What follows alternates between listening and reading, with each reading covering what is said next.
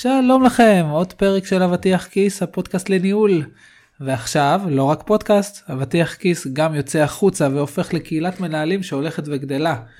אז מי שעדיין לא מכיר, שיפתח לינקדאין ויחפש את קהילת הניהול של אבטיח כיס.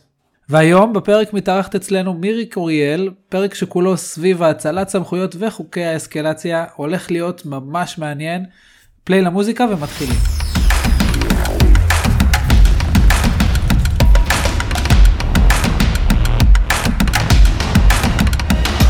ברוכים הבאים לאבטיח כיס, פודקאסט בנושא ניהול עם נורית בן משה ואלעד יעקב.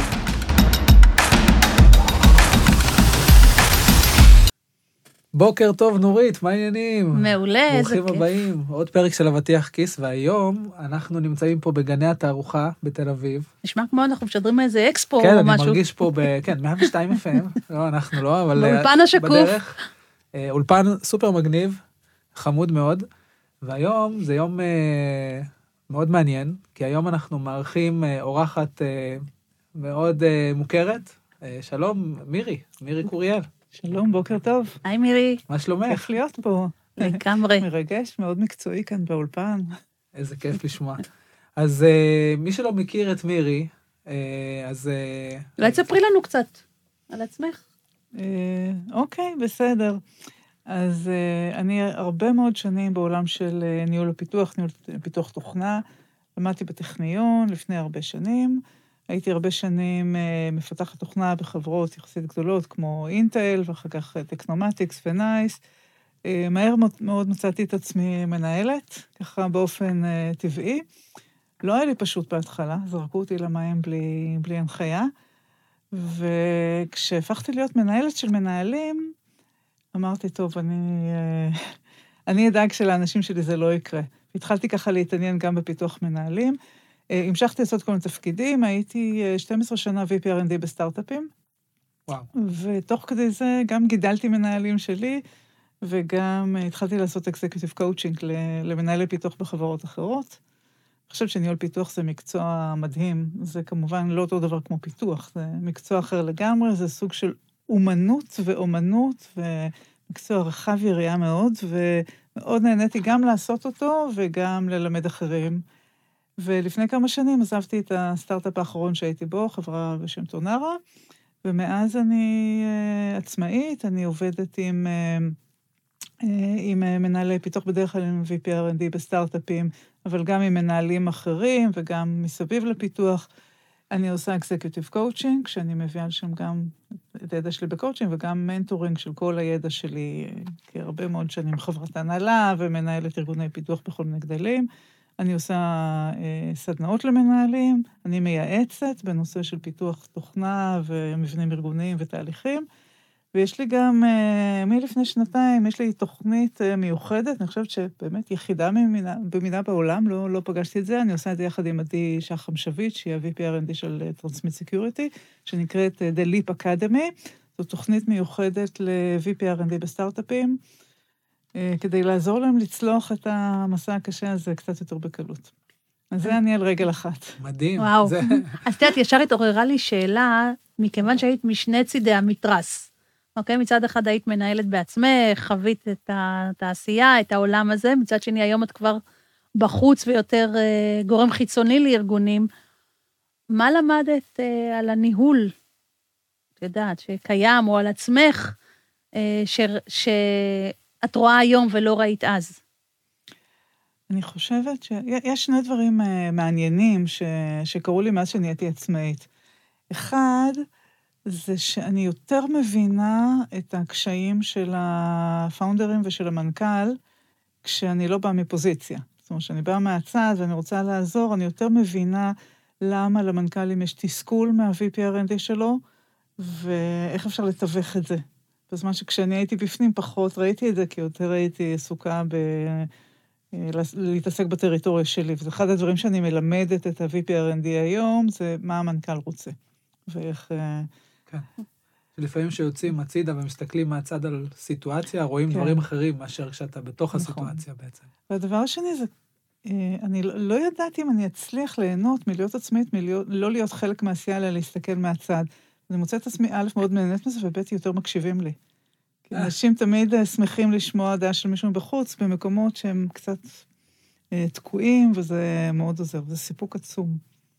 מדהים. יש לי מאות לקוחות, אני נהנית נורא. טוב, רואים את החיוך על. הפנים שלך. זה נראה לי זה אומר. הכל. איזה כיף. אז. עוד משהו שגם לא הזכרת, שיוצא לך גם אה, להתנדב, נכון? בהמון מקומות של אה, קידום אה, מנהלות, נכון? נכון. שכחתי את זה. זהו, אני עושה הרבה דברים, לא הכל אני זוכרת. אני, אחד הנושאים שמאוד מאוד קרובים לליבי זה קידום של נשים בעולם ההייטק.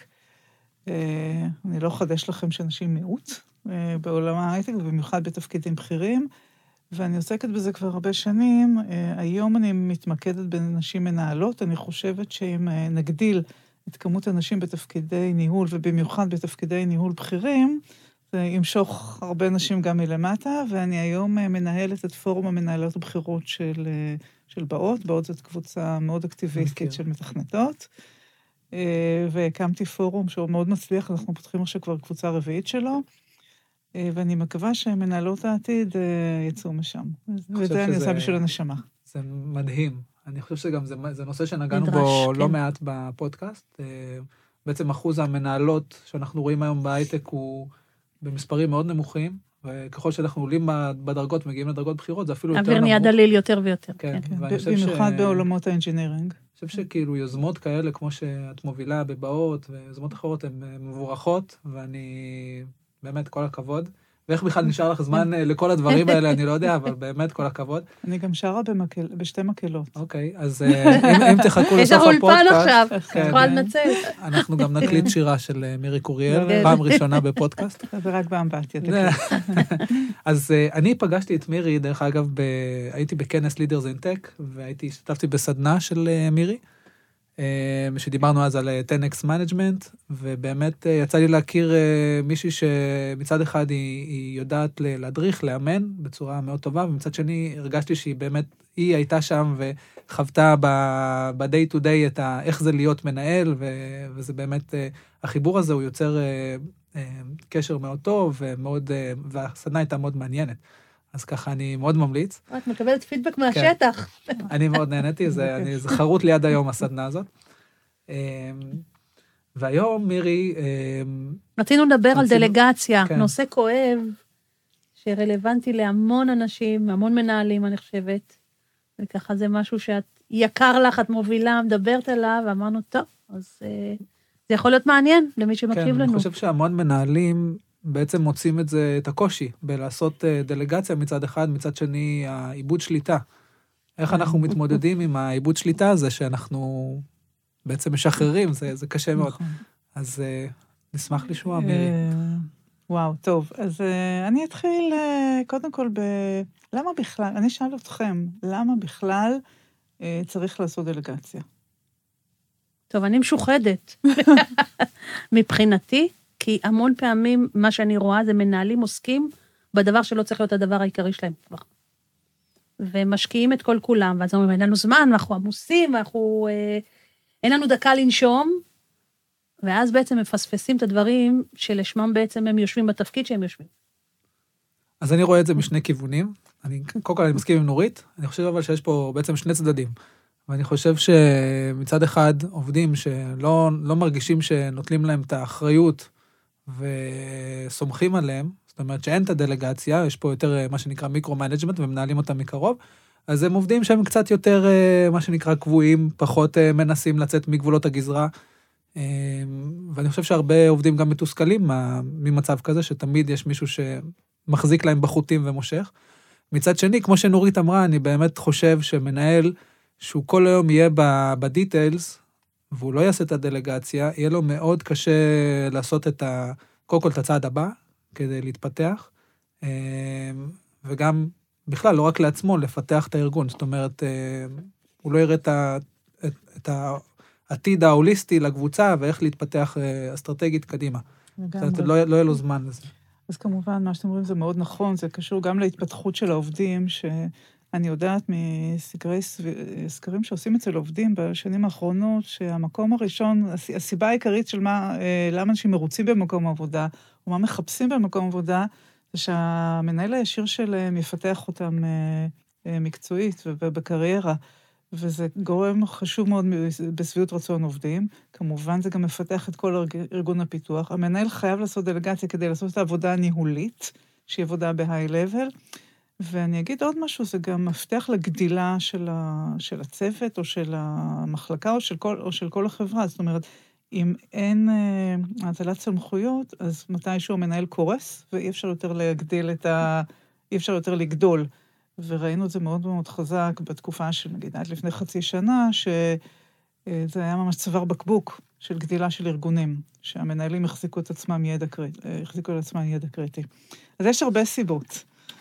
אמ, אז אני חושבת שכולם יודעים שזה טוב לעשות דלגציה, או בעברית האצלת סמכויות, אבל הרבה לא יודעים לעשות את זה.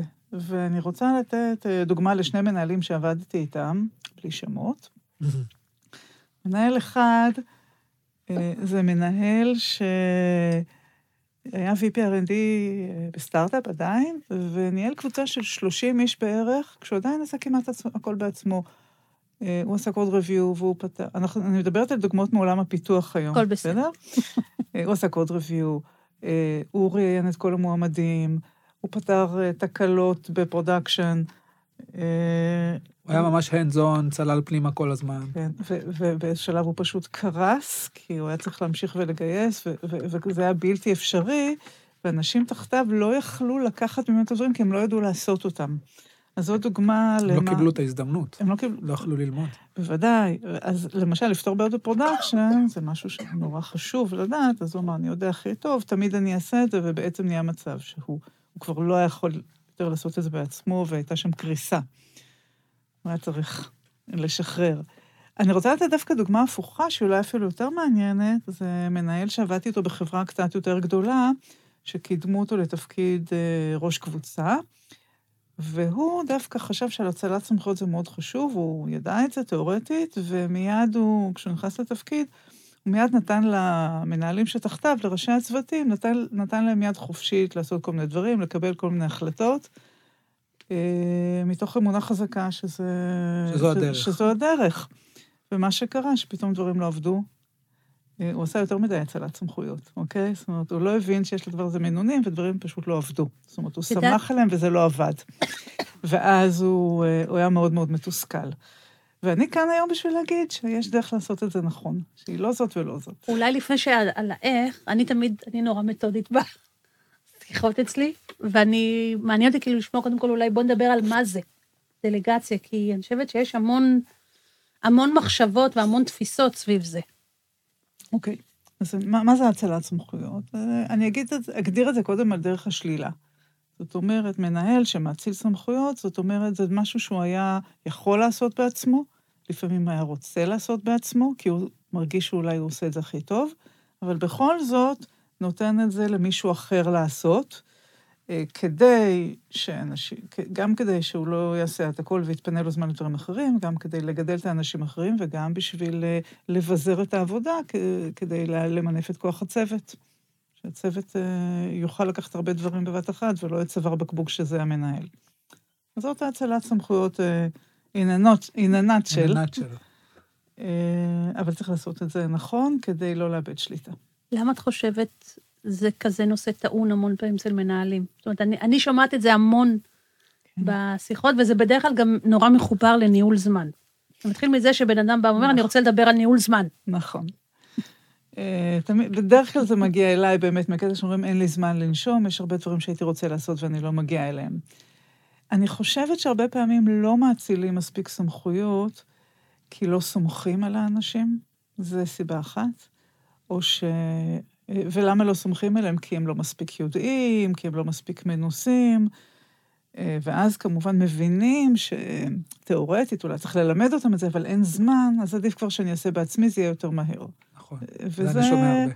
זה יהיה יותר מהר. העניין הוא שאם לאורך זמן ממשיכים ככה, אז נתקעים. לפעמים זה נכון, לפעמים יש איזה מצב דחוף שבאמת צריך לעשות לבד, אבל אה, ההשקעה הנכונה זה למרות כל הלחצים, כל הזמן להשקיע בללמד את האנשים, כדי שילמדו, כדי ש... אה, לא תצטרכו לעשות בעצמכם. אז זאת סיבה אחת שלא סומכים. אה, הסיבה השנייה זה שלפעמים יש מנהלים שמרגישים שזה לוקח להם את, הדבר שבו הם טובים, ואם הם לא יעשו את זה, אז איפה הערך שהם אה, מביאים? אני אתן דוגמה, בראשי צוותים צעירים, שהם היו הכי טובים מקצועית בתחום שלהם, ובגלל זה קידמו אותם, פתאום צריכים לוותר על הדבר שהם הכי טובים בו, ולעשות דבר שהם ממש לא טובים בו, שזה להיות מנהלים, כי הם היו סיניורים קודם במה שהם עשו, ועכשיו הם ג'וניורים בניהול. אז הם מעדיפים ללכת למקום שהם חזקים ומרגישים שהם אה, נותנים ערך, ולא לא, לא יודעים מה הם יעשו אם הם לא יעשו את זה.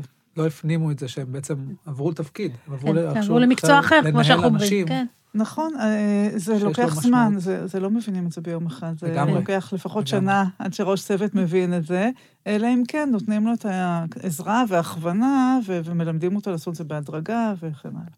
אני גם אוסיף עוד משהו, שלמדתי לפני שבועיים, הייתה לי שיחת אימון אה, עם מישהו בחו"ל לא בארץ, וכשהתחלנו לדבר באמת על הנושא הזה, ואחת מהתובנות שפתאום הגיעה, זה שיש לו מנהל שהוא micro-manager. וזה בעצם גורם לו, אז גם להתנהג ככה. לא בגלל שהוא כן. רוצה, לא בגלל שהוא חושב שזה נכון, אלא כי כל הזמן מופעל עליו לחץ של תספק לי מידע בפרטי פרטים. כן. ותהיה לפעמים, בתמונה. זה קורה, ותכף נדבר בדיוק, אני הולכת ללמד אתכם את... אה, את סוד הקסם. את הטכניקה של איך להביא את הפרטים שהמנהל רוצה בלי לעשות micro-management. יאללה, אז בואו נדבר על התפיסה שלה. כן, אז אמרנו שיש בעצם שתי קיצוניות, נכון? אחד מצד, מצד אחד זה להיות לגמרי micro-manager, לנהל מקרוב, לשלוט בכל הפרטים, מצד שני לשחרר יותר מדי. נכון. ובעצם מירי באה ואומרת, רגע, יש פה, אנחנו צריכים למצוא מקום באמצע, ו... ואנחנו הולכים לשמוע איך. אז מירי. מעולה. אה, אז אני אולי אתחיל באיזשהו, אה, אני אגע ב, לדקה בשתי נקודות שאני לא הולכת להרחיב בהן היום, אבל זה, כש, כשעושים הצלת סמכויות, צריך קודם כל לתת לבן אדם שעושים לו הצלת סמכויות, להבין כמה אנחנו הולכים להציל סמכויות. זאת אומרת, צריך קודם כל לחשוב, וכאן יש דבר שנקרא ניהול סיכונים. למשל, לבן אדם שהוא צעיר, חדש, לא יודע הרבה, אז אנחנו ניתן משימה יחסית קטנה שהוא יעשה באופן עצמאי. לבן אדם אה, יותר ותיק ניתן משימה יותר גדולה. אנחנו בעצם, כשעושים הצלת סמכויות, אה, בפעם הראשונה לוקחים פה סיכון, ואנחנו צריכים לשלוט על גודל הסיכון. אוקיי? עכשיו, כדי לצמצם את הסיכון, אנחנו עושים שני דברים חשובים. אחד, עושים הנחיה, זאת אומרת, אה, מסבירים לבן אדם מה מצפים ממנו, מה הקונטקסט שהוא צריך לדעת, אה, איך אנחנו מצפים שהוא יעשה את העבודה אה, וכן הלאה. ובסופו של דבר צריך לתת לו לעשות מעקב, כדי לראות שהוא לא מתברבר, ולתת לו בסוף פידבק, כדי שישתפר. לא מעט מנהלים אומרים לי, אני זורק אותו למים, והוא יתמודד. או שישחה או שיטבע. לא, הם ככה, ו, וגם מוסיפים, ככה לימדו אותי. אז אני רוצה להגיד שלזרוק מישהו למים, זאת לא דרך טובה להצלת סמכויות. לאנשים בודדים זה עובד, לרוב האנשים זה מאוד מלחיץ אותם ומתסכל, וזה לא כל כך מצליח, וזה גורם לזה שבסוף שני הצדדים מתוסכלים. גם העובד שלא יצליח במשימה, וגם המנהל שמאוכזב מזה שהוא זרק מישהו למים והוא לא צף. אז אני רוצה לשרש את הטעות הזאת, לזרוק למים, זאת לא... זאת לא הדרך. לא זאת בעצם הדרך. בעצם מה שאת אומרת, יש פה תהליך. הצלת נכון. סמכויות זה תהליך שאנחנו צריכים לבנות אותו. נכון, ובהדרגה. ההדרגה הזאת תלויה בהמון דברים, כמו היכולות של הבן אדם, החששות שיש, כמה ריסק יש במשימה וכן הלאה. Mm-hmm. אבל אני לא רוצה להיכנס לכל, ה... לכל הנקודות האלה, אלא היום אני רציתי לדבר על פן אחד של האצלת סמכויות, שבעצם אה, אה, נוגע בנקודה הזאת של איך לא לאבד שליטה, ואיך להציל סמכויות למישהו ככה שמצד אחד הבן אדם ילמד ויגדל, ומצד שני, אה, אני אה, אמשיך לסמוך על מה שקורה ואני אדע שהכל בסדר. שזה אחת החרדות העיקריות בהצלת סמכויות, זה שאני אאבד שליטה, ובכל זאת אני כמנהלת אני אחראית. ולשיטה הזאת יש שם, באנגלית זה נקרא Rules of Engagement. שזה תרגום של כללי פתיחה בירי, זה מונח צבאי, אולי בישראל זה נשמע מוכר, זה עבר מהצבא לתחום העבודה, והכוונה היא לייצר עם העובדים שלנו סט חוקים, שאם אה, הם, אה, אם הם יעקבו אחריהם, אז אנחנו נוכל אה, להציל להם סמכויות, ומצד שני לסמוך עליהם שיהיה בסדר. אוקיי? ולישון טוב בלילה בזמן שמישהו אחר עושה את העבודה. אז מה זה ה-rules of engagement? אני אולי אגיד ככה, ככה על מה מדובר, ואחרי זה אני קצת אכנס לפרטים. אז זה בעצם אוסף חוקים, זה לא חוקים שאנחנו כותבים אותם על, על דף או בבית משפט, אלא זה משהו שהוא קורה בשיחה בינינו לבין האנשים. הייתי קוראת לזה אולי הסכמים. זה מין הסכמים, הסכם בעל פה כזה. הסכם, זה- תיאום ציפיות. זה תיאום ציפיות והסכם, אבל הוא מאוד מפורט, והוא מסביר לאנשים שאנחנו מצילים להם סמכויות, דברים שלפעמים אנחנו חושבים שהם מובנים מאליהם, אוקיי? אחת הטעויות שאנחנו עושים כמנהלים, זה להניח שהבן אדם השני הוא כמונו, שהמוח שלו עובד אותו דבר, שהוא מבין אותו דבר, שאני אומרת איזה מילה, אז הוא מבין אותה בדיוק כמו שאני מבין אותה. אבל הרבה פעמים אנחנו מופתעים שזה לא ככה. שלאנשים יש מערכות הפעלה שונות אה, בראש, ולכן צריך לפעמים לעשות, לרדת נורא לפרטים על דברים נורא פעוטים, וזה מסדר, אה, מסדר את כל המערכת. אוקיי. ולשם כך אני, אני מדברת על החוקים האלה. כל כך נכון, זה גם יוצר תסכול הרבה, לפעמים כשאין את נכון. ההבנה הזאת, ואתה כאילו אומר, איך הוא לא הבין אותי? הרי לא הבין? אמרתי לו את זה, אבל איך הוא לא הבין? נכון? הרבה פעמים מנהלים שאני עובדת איתם, הלקוחות שלי אומרים לי, אבל אני, לי ברור שאני במצב הזה הייתי עושה ככה וככה. נכון. השאלה אם לא היה ברור, בדיוק. או לך. אבל, כן. אבל, אבל תמיד אני אומרת להם, הוא זה לא אתה. זאת אומרת, זה בן אדם אחר, ואתה לא יכול להשליך מאיך שאתה היית מגיב, ולכן צריך to spell it out. ואני מדברת על דברים ממש קטנים. לדוגמה, אם דיברנו קודם על המידע שצריך לספק, אז אחד הדברים אה, הכי חשובים בהאצלת סמכויות, זה כשאתה מאציל סמכויות, עדיין אתה רוצה לדעת כל מיני דברים. אתה צריך visibility מסוים. אה, למה? א', אתה צריך לדעת כדי שתוכל לפעמים לשנות את מהלך העניינים, ושתיים, אתה צריך לדעת ל- להגיד לאנש- לארגון שמעליך, להעביר אליו מידע. לדווח הלאה. אז המנהל צריך מידע גם אם הוא לא עושה את העבודה בעצמו. אז אחד הדברים שאנחנו רוצים לתאם ב...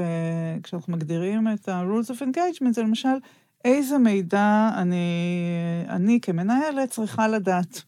ופשוט צריך להגיד, אז אני תכף אתן אה, דוגמה. דוגמאות. אה, באיזה צורה אני רוצה לקבל את המידע הזה. איזה צורה, הכוונה מייל או כזה? כן, ממש אוקיי. ממש טכני, מתי, באיזה תדירות, באיזה פורמט, מתי צריך לערב אותי אה, ברמה של יידוע, ומתי לעשות לי אסקלציה, איך לעשות לי אסקלציה. זה דברים נורא נורא קטנים שיש להם אה, אימפקט מטורף. ועוד דבר זה מי מקבל איזה החלטה. איזה החלטות אתה צריך לקבל ואיזה החלטות אני צריכה לקבל. אז אני אמרתי את זה ככה in a nutshell, ואולי ככה קצת ניכנס לכל אחד מהם וניתן גם דוגמאות ש... שיהיה ברור. קדימה. מצוין, יאללה. מתאים? יאללה. אמ, אז בואו אה, נתחיל ב- במידע שאני צריכה לדעת. אז אה, כמובן, אין פה תשובה אחת נכונה. וזה נכון, זה תלוי בעובד, זה תלוי בתפקיד, במסיבה. לפעמים זה תלוי במשימה ו- ובקונטקסט שמסביב אה, אה, למשימה. ויש גרנולריות אחרת ל- למשימות שונות, ולכן צריך לחדד את זה מדי פעם מחדש למשימה המסוימת. אז למשל, איזה מידע אני צריכה לדעת כמנהלת שמבקשת אה, משימה? זה תלוי במה חשוב לי. לא כל הדברים חשובים לי אה, באותו אופן. אז אני צריכה להגיד מה חשוב לי לדעת ומה לא חשוב לי לדעת. זה מאוד תלוי בכמה העובד שלי אה, מנוסה, אוקיי? ככל, ככל שהוא יותר מנוסה או פחות מנוסה, זה משפיע על המידע שאני רוצה לדעת. זה מאוד תלוי במה רוצים לדעת ממני. למשל, משימה שהיא לא כל כך קריטית, בדרך כלל לא רוצים ממני פרטים, אבל משימה קריטית, אני צריכה לדווח החוצה אה. המון פרטים. כן. ואז במשימות קריטיות אני אדרוש מהעובד יותר פרטים. מה, מילה, מה בעצם מידת הלחץ הסביבתי כן, על המשימה הזאת? הוויזיביליות כן. למשימה, כן. הוויזיביליות החיצונית שאני צריכה לתת, העובדים בדרך כלל אה, לא, לא מבינים בכלל שאני צריכה לספק מידע החוצה, אז אני צריכה להגיד להם, ואני רוצה להגיד איזה מידע ובאיזה צורה אני רוצה לקבל את המידע. אה, לקבל אותו. אה, זה קשור מאוד לקר- לקריטיות של הפרויקט, וכמובן זה תלוי גם מה הקפסיטי שלי כמנהלת לקבל את הפרטים. הרבה פעמים אני נורא עסוקה, ואז אני אומרת, אל תכתוב לי מגילות. אני צריכה בוטם ליין. לדעת כן. 1, 2, 3, אוקיי? אז אני... אז שזה המ- מאוד נפוץ, כאילו, נפוץ כשעולים בדרגות, נכון? זאת אומרת, מנהלים בדרגות בכירות יותר, רוצים את הכל אה, מרוכז. מאוד מתומצת, אה, כן. מדויק. נכון. ולכן מאוד חשוב לדבר על איזה מידע אני רוצה ואיך אני רוצה אותו, אוקיי? לפעמים ואם אני רוצה את המידע מתומצת, עדיף שאני אכתוב להם מין דוגמה, איך אני רוצה, או template כזה, כדי ש... שיגיע בדיוק אה, המידע בצורה שאני רוצה לקבל אותו, ולא נצטרך עכשיו לעשות אה, דיונים על גבי דיונים כדי להבין אה, מייל של שני עמודים, מלא פרטים, ואני צריכה לדלות מתוכו את מה שחשוב לי. אז עדיף לי להגיד את זה מראש.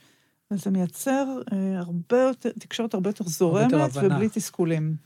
יותר הסכמה בעצם. כן, וזה גם נראה לי כן. משהו שכאילו עם הזמן פחות צריך לדבר עליו, נכון? כאילו זה במשימות הראשונות בין מנהל לעובד. נכון. עושים את כל השיחות האלה, ולאט לאט כאילו העובד כנראה כבר מכיר כבר, אני יודע מי זה המנהל שלי ומה הוא מצפה.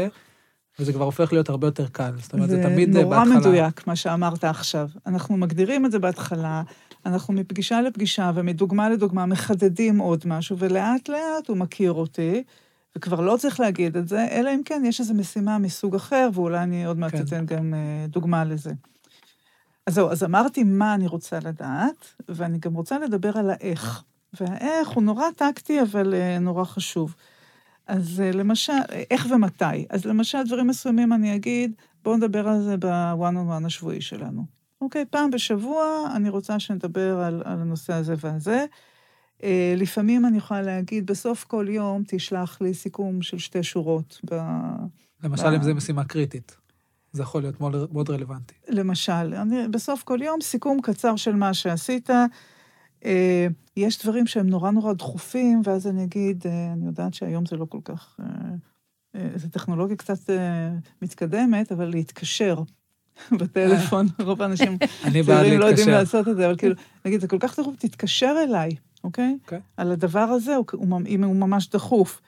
אה, לפעמים אני אגיד, אה, אני בכלל לא רוצה שתיידע אותי, אלא שתחזיק איזה דשבורד, שיהיה תמיד מעודכן, ואז אני אוכל להתעדכן מתי שאני רוצה.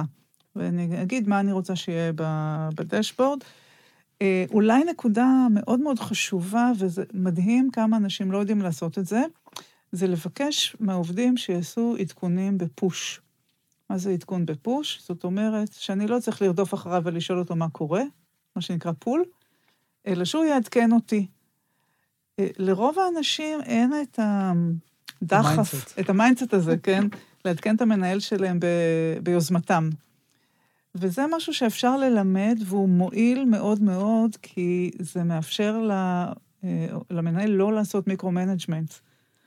אה, וברגע שעובד מתלונן על micro-management, אז הטיפ שלי זה לבקש מהם לעדכן אה, כן, ב push, ומיד ה micro-management כן. נחתך כן. בחצי. אני הולך לגנוב לך את המושג, אני הולך להשתמש בו גם בקבוצה שלי, אני מאוד, מאוד אהבתי. כאילו, תעבדו ב push ולא ב pull, בדיוק. כי בסוף המנהל יש לו כל כך הרבה... הוא מתעסק בהמון המון דברים והמון משימות שיש לקבוצה שלו, גם תלוי בגודל הקבוצה.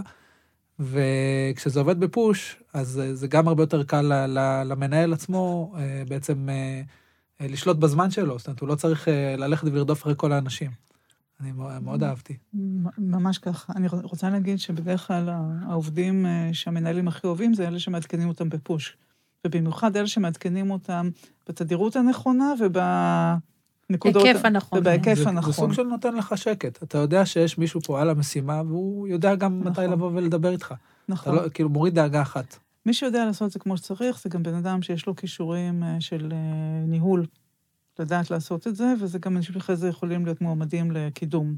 לדעת לעשות את זה טוב, וזה בעצם להיות יד ימינו של המנהל, לתת לו את מה שהוא רוצה, מתי שהוא רוצה, בלי שהמנהל יצטרך... בלי עומס, כן. בלי עומס יתר ובלי חוסר בעצם. אז זה ממש ממש חשוב. אז אלה העקרונות, אני רוצה לתת כמה דוגמאות. בסדר? את יודעת, לפני הדוגמאות, אני רוצה כן. להגיד משהו, ככה הקשבתי אה, בצורה עמוקה למה שאמרת, ואני חושבת שאחד הדברים שאני ככה שומעת שאת אומרת, זה קודם כל מנהלים צריכים שתהיה להם את היכולת לאבחן. הם צריכים לאבחן ארבעה, לפחות מה שאני קולטת כרגע, ארבעה דומיינים. קודם כל הם צריכים לאבחן את עצמם, מה דרוש להם כדי שהם ירגישו שהם בעניין ושהם מבינים מה שקורה. הם צריכים לאבחן את המשימה, מה המאפיינים שלה, רמת הדחיפות שלה, רמת החדשנות שלה, ההשפעות שלה, דברים כאלה. צריכים לאבחן מי העובד מולם, עובדים חדשים, או, או יותר מנוסים, חוסרים שיש, גם סגנון של עובד, כלומר, או למשל עובד שאוהב את ה... זרוק אותי למים, אוקיי? זה גם בסדר. וכמובן שאתה מביא בחשבון עד כמה מסוכן לך, או כמה זמן יש לך לתת לו עכשיו, אוקיי, לך תתברבר ו- ותחזור אליי עם תשובות. והדבר הנוסף, זה גם לאבחן את הסביבה החיצונית.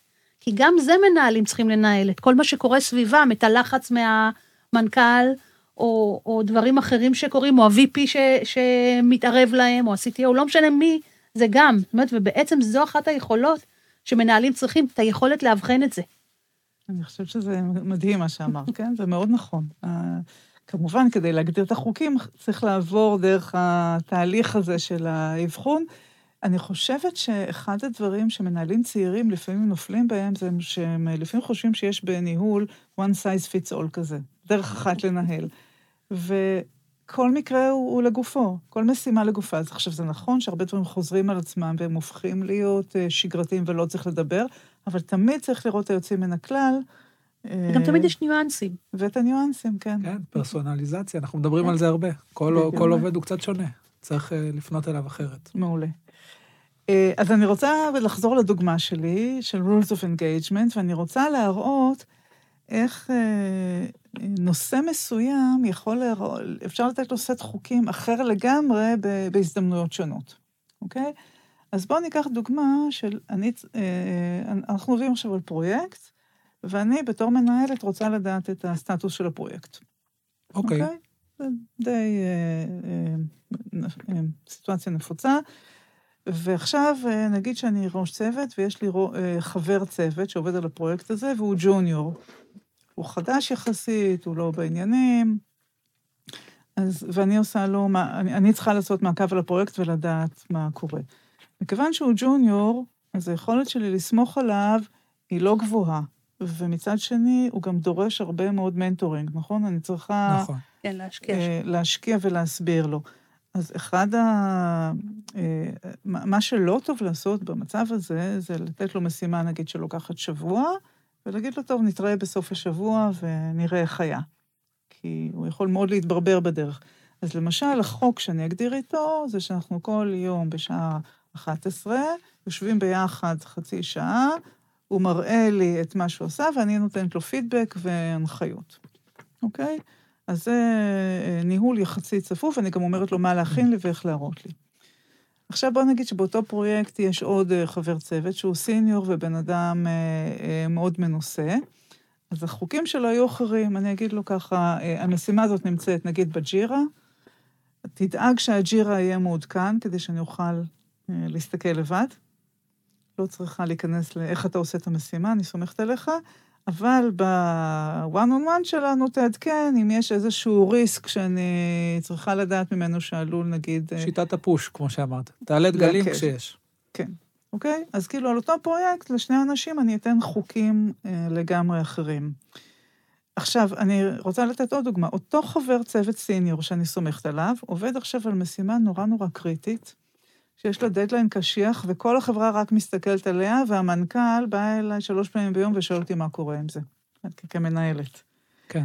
אז אני לאותו סיניור, שקודם אמרתי לו, קח את הזמן שלך ורק תעדכן. אני עכשיו אתן לו חוקים אחרים לגמרי. אני אגיד לו משהו כזה, בסוף כל יום תשלח לי הודעה, תגיד לי שכל הדברים מוכנים, מה השלמת, אם יש איזושהי בעיה, אה, תודיע לי מיד, ואם אתה רואה איזשהו סיכון, לעמידה בלוחות זמנים, או בתכולה, או באיכות, אה, תקרא לי מיד, ואנחנו נחשוב ביחד אה, מה עושים, ואני חייבת לדעת את זה מיד, כי אני צריכה לדע, אה, לתת דין וחשבון וגם להעלות את זה כלפי מעלה. כן. זאת אומרת, מה שאת אומרת בעצם, כשאנחנו רוצים לדבר על רמות עדכון והדרכה, הן קשורות לרמת המיומנות של העובד והידע שלו, ולרמת המסוכנות או הדחיפות שיש למשימה. ולרמת ה visibility שנדרשת ממני כמנהלת. אוקיי. Okay. וגם okay. אוקיי. אני אוסיף לרמת ה trust. זאת אומרת, אם זה. עובד חדש, אפילו אם הוא senior והוא בא עם המון ניסיון, אני כנראה ארצה לבנות את ה trust איתו בצורה שהיא לא ישר כן. לקפוץ למים, כמו שמירי הזכירה. מה שלי מאוד בלט זה במקרים כאלה שאנחנו משנים את הפרדיגמה, נגיד, נגיד עם הסיניור, הבחור היותר מנוסה, שבדרך כלל אני עובד איתו בצורה של פוש, ופעם בשבוע תעדכן אותי, ואני פתאום משנה לו של תן לי עדכון כל יום, אנחנו צריכים תמיד גם לתת את ה-why, את הסיבה, ברור. אה, ואחרת זה יכול ליצור אה, קושי. נכון. זה מאוד חשוב לשים את הדגש על זה. ברגע שאתם משנים את החוזה מול מישהו מסוים, להסביר לו למה. נכון. אמ, אני אקח עוד דוגמה לנושא של הפרויקט, למשל אם אני VP-R&D.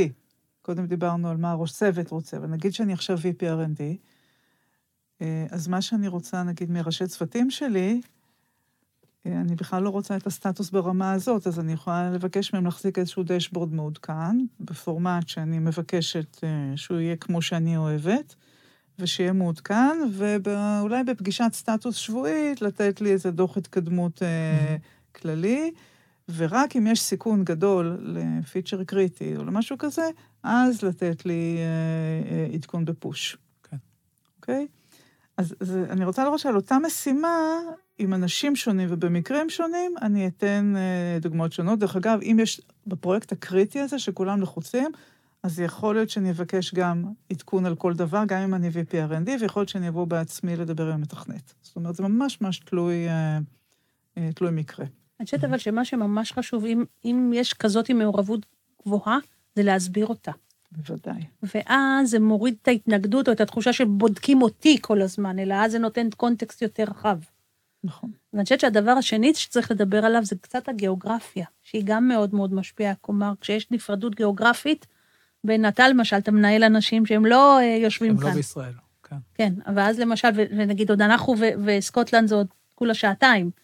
עם ארצות הברית, שלמשל זה בין שבע לעשר שעות, אז למשל ההסכמים על איך אתה משאיר לי עדכון, כי כשאני אקום אתה תישן ולהפך, נכון. הוא הופך להיות מאוד מאוד קריטי. נכון. אה, אני, אני רוצה להגיד שבעבודה ברמוט, באופן כללי, ובעבודה בטיימזון שונים, אז אה, צריך לשים דגש הרבה יותר גדול על הפורמט של העדכון, על התכנים שלו, ועל, אה, ואנשים צריכים לדעת להתבטא בכתב בצורה יותר טובה.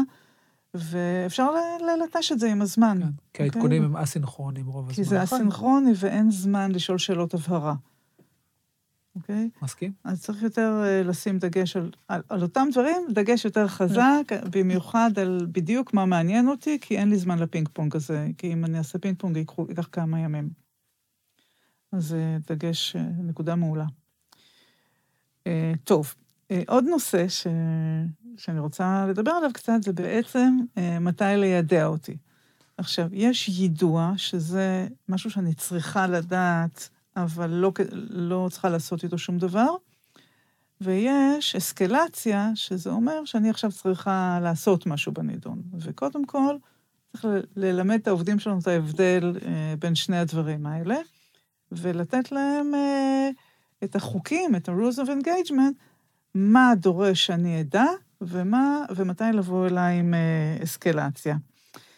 אה, לדוגמה, מה אני צריכה לדעת? דברים שאני צריכה אה, אה, בשביל שלוות הנפש שלי, אוקיי?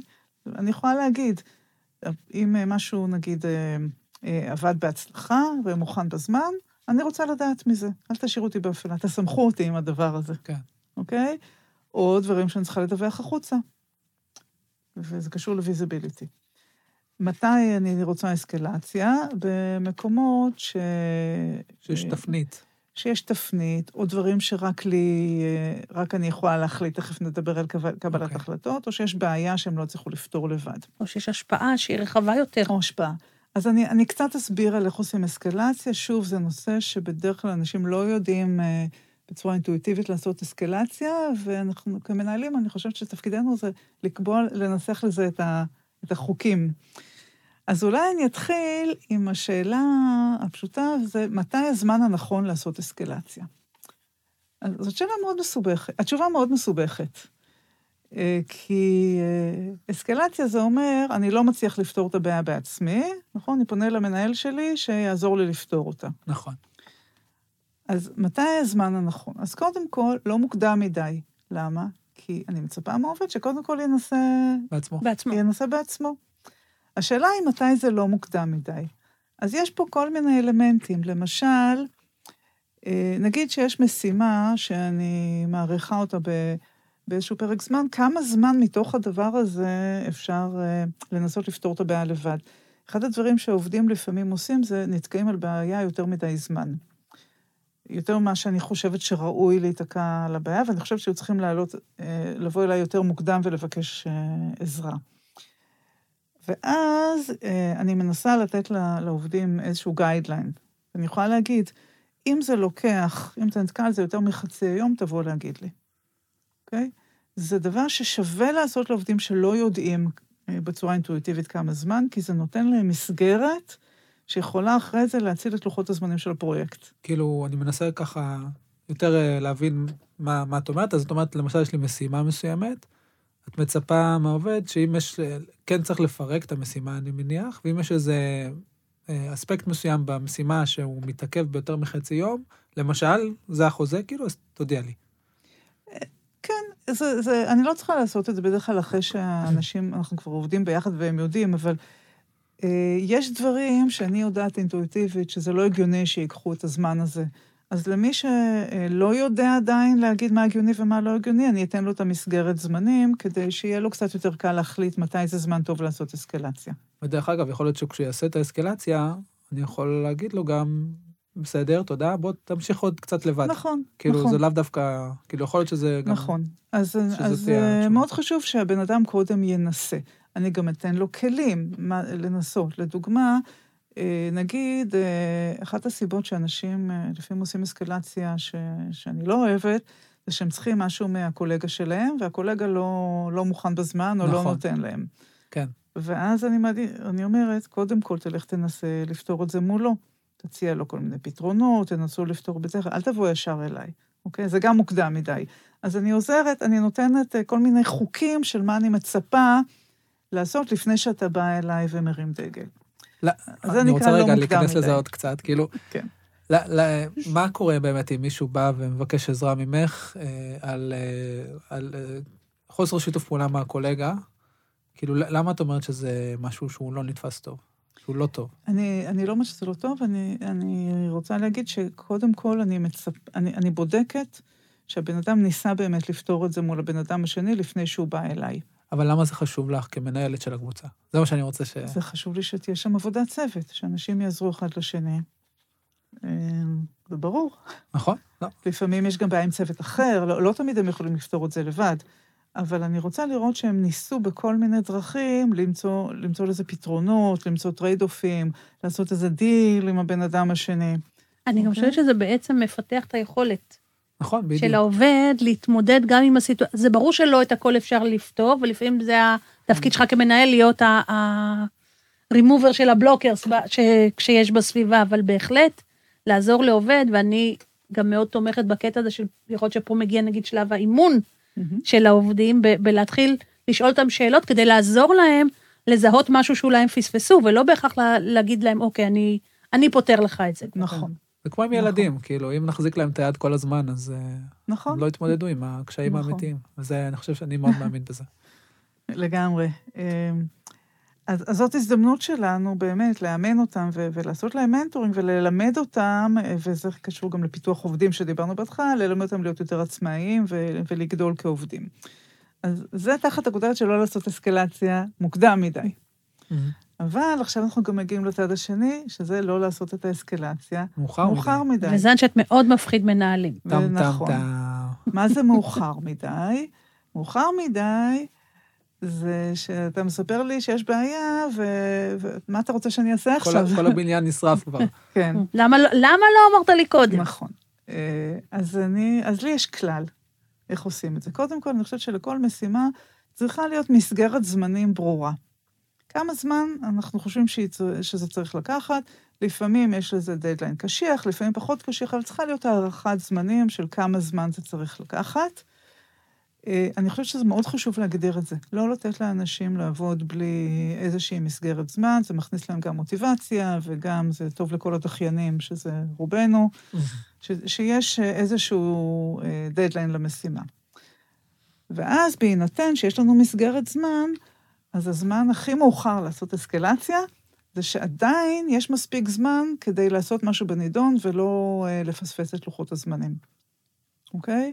ואני מצפה שאנשים יבינו את מסגרת הזמן, ויבינו אה, מה, אה, כמה איך- זמן צריך כדי לפתור את זה? המשימה. כן, איך את גורמת להם? להבין? למשל, יש לי דוגמה. יש לי משימה שנגיד היא צריכה לקחת שלושה שבועות. איך אני מגדיר לו את הפרק זמן הזה של, כאילו, שאני שנשאר מצפה באפר ממנו- מספיק... כן, ש- אה, כן. איך עושים את זה? אוקיי, אז דוגמה מעולה. בתור התחלה, אני חושבת שאין כזה דבר משימה של שלושה שבועות.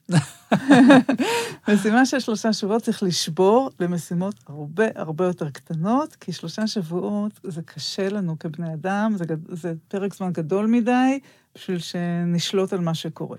אז אני חושבת שמשימה צריכה להיות סדר גודל של יום-יומיים, משימה ששוברים, ואז הרבה יותר קל לנו להתמצא בזמן ולהבין שהשעון מתקתק וש... אה, אבל אם היא לא משימה ליום-יומיים? שוב, לא, שוברים משימה של שלושה שבועות למספר משימות קטנות. קטנות, אוקיי. אוקיי?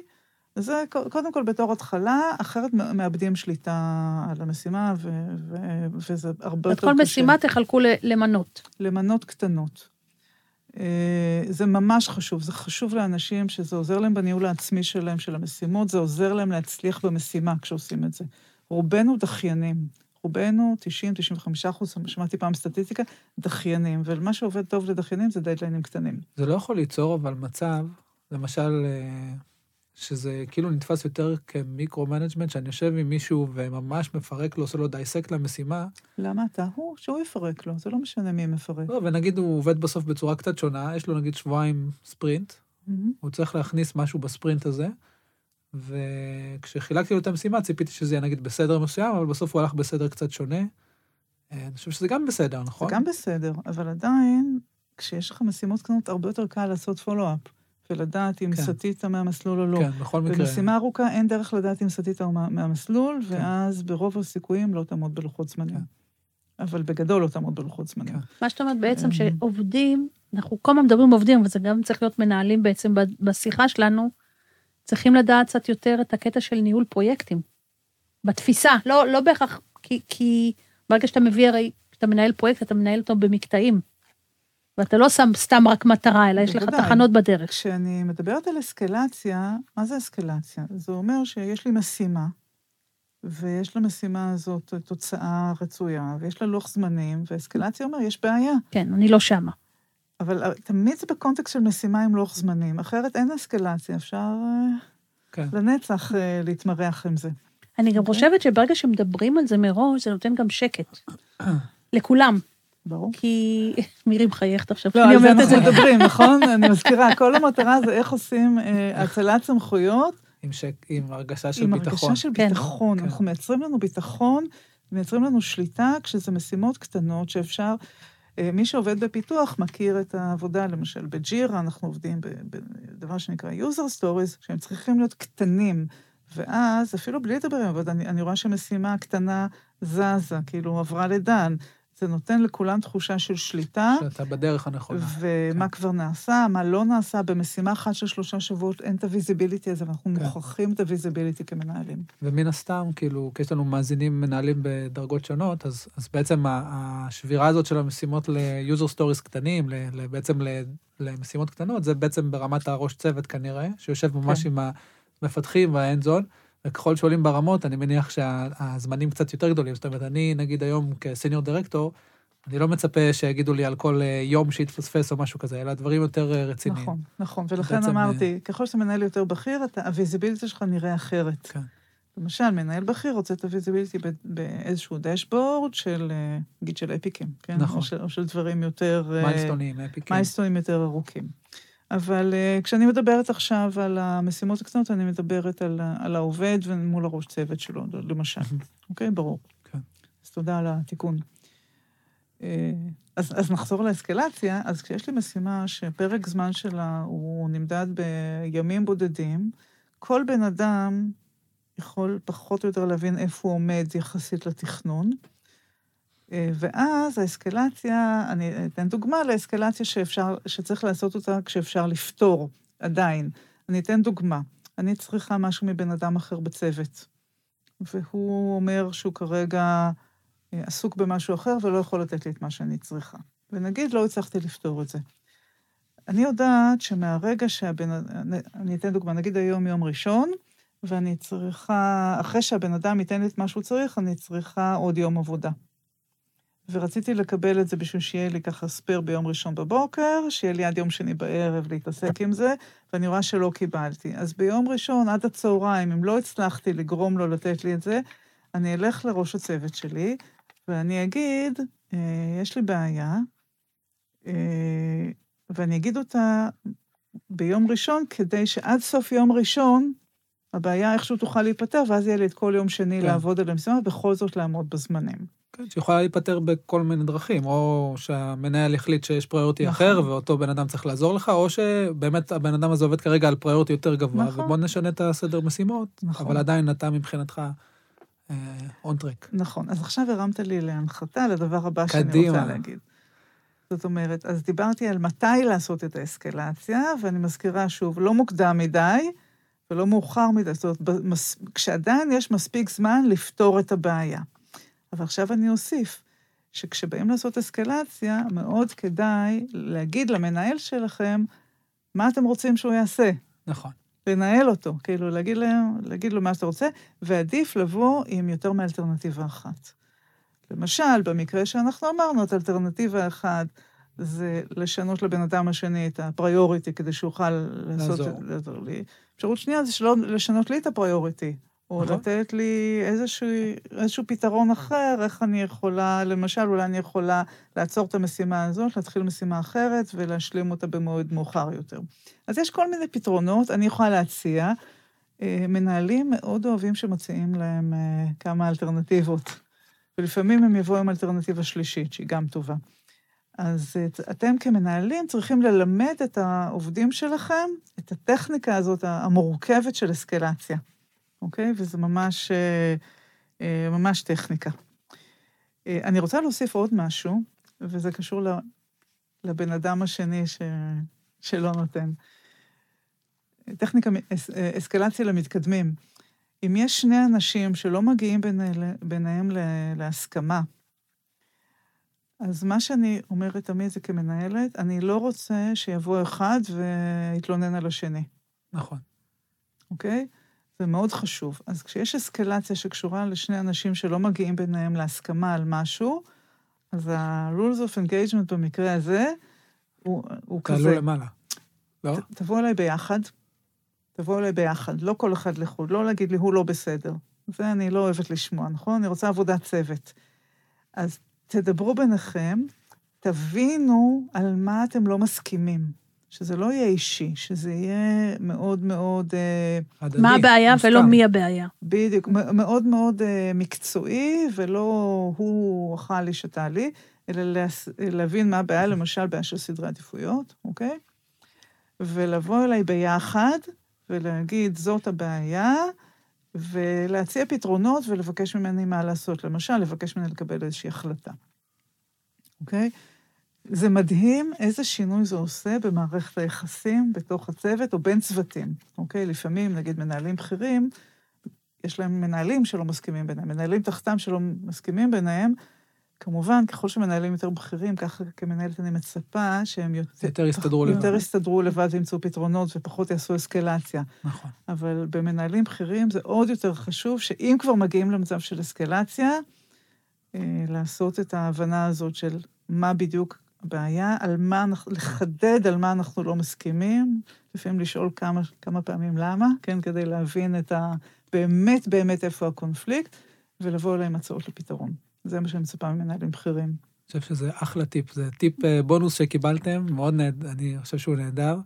הוא בעצם, אה, זה מאוד חשוב, כי הוא מה שמסמן את הערכים והתרבות שאתם מקנים לקבוצה שלכם. זאת אומרת, אתם לא מקבלים תרבות של אני לא מצליח כי אחר, כי אחר אשם או משהו כזה, נכון. אלא בואו נדבר על זה ובואו נפתח את זה בצורה הכי מקצועית. ו... נכון. זה אה, מאוד אני נכון. חושבת שיש חברות שיש בהן אה, תרבות של האשמות, וזה דבר, אה, הרבה פעמים זה מגיע מהפאונדרים. לא נעים להגיד, וזה מחלחל, וברגע שיש תרבות של האשמות, זה כמו רעל שמתפשט בתוך, בתוך החברה. לגמרי. ו... דיברנו וזה- על רעילות. כן, ותרבות האשמות שמגיעה מלמעלה, זה, זה מאוד קשה, זה מחלחל לכולם, זה מביא למצב שכולם עסוקים כל היום בלהאשים ולכסתח, במקום לדאוג שהחברה תצליח. אז זה ממש חשוב לא, לא לתת לדבר הזה להרים ראש. וכמנהלים, בצורה שאמרתי, יש לנו שליטה על זה, פשוט זה חלק מהחוקים שאנחנו קובעים, שאנחנו לא מאפשרים את זה. הכוח בידינו, מה כן. שנקרא. אה, נקודה אחרונה שאני רוצה לדבר עליה זה נושא של קבלת החלטות, חוקים לקבלת החלטות. אה, של מי? של, ה... של העובד, של המנהל? כל אחד מה שהוא מחליט. לדוגמה, אה, אם אני עכשיו ראש צוות, אז אני יכולה לקבוע לעובדים שלי מה להם, מה אני מצפה שהם יחליטו לבד, ומה צריך לעבור דרכי. למשל, עובד שהוא סיניור, שאמרתי קודם, אני חושבת שהוא יכול אה, להחליט בעצמו על אה, איך לעשות את הדיזיין של המשימה, אבל עובד ג'וניור לא. אז אני אתן לכל אחד מהם אה. חוקים, חוקים בעצם מה שאת אחרים. אומרת, יש ספקטרום יש של ספקטרום. דברים, ואתה צריך לקבל החלטה מה מתאים למי, עוד נכון. פעם, בהתאם לאדם, לסיטואציה. אני אתן דוגמה. אולי של מנהל שמנהל מנהלים. נגיד שאני עכשיו אה, אה, דירקטורית, ואני מנהלת אה, ראש צוות, ואני נותנת לראש צוות, ומאצילה לו סמכויות בצורה די משמעותית בניהול המשימות של הצוות שלו, עבודה מול הסטייק הולדרס הפנימיים בחברה, מנהלי מוצר, מנהלי פרויקט, אה, מי שיש שם. ואני לא מתערבת בקבלת ההחלטות, אלא אם כן בנושאים מסוימים שחשובים לי, ואני צריכה להגדיר מה הם. אני אתן דוגמה לדברים כאלה. למשל, אה, אני יכולה להגיד לראש צוות חדש, הוא קצת חושש, והוא בא אליי עם אה, איזו שאלה לגבי האם לעשות את הדיזיין ככה או ככה, אני אגיד לו, זו החלטה שלך, אוקיי? אבל אם הוא רוצה להציע שינוי בכל הארכיטקטורה הבסיסית של המערכת, אז אתה צריך לעבור, אני, אני אומרת לו, אתה צריך לעבור דרכי. אז דיזיין פנימי זה שלך, ארכיטקטורה צריך לעבור אה, דרכי, ואולי אני צריכה גם אישור של הארכיטקט, אוקיי? אה, דוגמה אחרת, למשל, יש הרי משא ומתן בין ראש הצוות לבין ה product manager, למשל, על התכולה של, של הגרסה הבאה, נניח. אה, ואני יכולה להגיד, אה, את זה תחליטו ביניכם, אבל ה feature המסוים הזה, שעכשיו הוא קריטי, אה, דחייה שלו זה רק באישור שלי, אוקיי? אז ברגע שהבהרתי את החוקים של קבלת החלטות, מי מחליט מה, אני יכולה להיות מאוד רגועה ולסמוך על הראש צוות שהוא יחליט את מה שהוא, מה שאני רוצה שהוא יחליט, ומה שאני רוצה שיעבור דרכי, אלייך. שיבוא אליי. אני לא משאירה לו לנחש את זה, כי הוא לא אני, אני מזכירה את זה. כל אחד הוא אחר, והוא לא יודע מה עובר לי בראש, וכדאי שאני will spell it out, וזה אה, מונע כל כך הרבה תסכולים. זהו, אז זה ככה in a nutshell, אה, סיכום של הדברים שכדאי לסכם אותם, ו- וכמובן זה דבר שעושים אותו לאורך זמן, בהדרגה, ולרוב לא צריך לדבר עליו, כי הוא כבר נהיה חלק מה... מדהים. זאת מהיחסים אומרת, בעצם בינינו. ההתחלה דורשת יותר תשומת לב ויותר דיבור ויותר התאמות, אבל ככל שאתה עושה את זה יותר, בעצם זה... it goes without uh, speaking בעצם. כן, אני חושב כן. שזה תהליך, זה מה שאנחנו צריכים לקחת תהליך. מזה, שזה באמת אה, תהליך שהמנהל בונה עם האנשים שלו, וזה לא אה, פעם אחת וסיימנו, זה תהליך שכל אחד לומד את השני, ואני מניח שבהתחלה גם, מירי, יש כאילו גם אי-הבנות, גם כשבונים את ההסכם הזה ואת החוזה, זה תמיד דברים אה, לא סגורים עד הסוף, עוד. ולאט לאט, כן, הם נכון. מתעצבים אה, איך שאנחנו ממשיכים, אז לא צריך להיבהל. זאת אומרת, זה לא שאנחנו עכשיו הולכים לעשות, אה, אנחנו ממליצים לעשות חוזה כזה מאוד גדול אה, עם כל עובד על כל משימה, זה משהו שעם נכון. הזמן הוא הופך להיות ממש אה, חלק מהיום-יום הפשוט שלכם, וכבר it goes without saying, מה שאומרים, כאילו כבר אנשים אה, חיים את זה, וזה, וזאת הדרך. נכון. אה, אני רוצה אולי גם אה, להציע מתי לדבר על הדברים האלה, כי הרבה אנשים לא כל כך נוח להם פתאום לדבר על דברים מהסוג הזה. אז אני חושבת שבפגישות השבועיות, ב-one on one, זאת הזדמנות טובה להסתכל אחורה, למשל, על אה, משימות שהיו, ולהגיד, פה אה, הייתי מצפה שתחליט לבד ולא תבוא אליי, או, או פה הייתי מצפה שתרים דגל, כן. להרים דגל זה, לתת את כן. הכוונונים, את יותר ה tuning. מוקדם ולהסביר ל- למה. כן. אז זאת הזדמנות טובה, באופן כללי, פגישת one on one זאת פגישה שהיא בעיניי, קודם כל חשובה. פגישת mentoring, ולפני כל דבר אחר, אז למנטר על הדבר הזה, כי זה ממש ממש טכני, שברגע שתופסים את זה, זה פשוט... לתת את הכיוונים. ה-ROI מאוד גבוה. אני חושבת שזה לא טכני, דרך אגב. כאילו, הביטוי שלו הוא טכני, אני חושבת שהמהות שלו זה בעצם מערכת היחסים. איך אנחנו בונים את מערכת יחסי העבודה בינינו, ככה שהיא תהיה נכונה גם לשנינו וגם למשימה ולמערכת. אני חושבת שזה במהות חלק מהעניין של היכולת של מנהל בעצם להבין את מה שקורה ולהגיב בצורה מותאמת. נכון. אה, אני כן רוצה להצמד רגע למילה טכני, כי מערכת יחסים יכולה להיות טובה ועם הרבה אמון, אבל ליפול דווקא על הדברים הקטנים. ולכן אני אומרת שכמובן חייבים לבנות אמון באופן כללי, אבל לפעמים הדברים הקטנים שיש בינינו אי-הבנות גורמים לתסכול, והתסכול הזה יכול אחרי זה לשבור את האמון. לגדול מאוד, כן. אז, אז שווה מאוד להשקיע בלדייק כן, את, ה, את החוקים לגמרי. הקטנים. לגמרי. טוב, אני. חושבת שהיה פרק עם הרבה למידה וואו, ודברים, כן, היה מאוד מעניין, מירי. ממש תודה. תודה. ואנחנו גם נשים את הפרטים שלך בתיאור של הפרק, מי שרוצה להיכנס. וחבר'ה, אני. מאוד מקווה שאתם הולכים להציל אה, סמכויות קצת יותר. אה, כן, אני בטוח למדתי היום.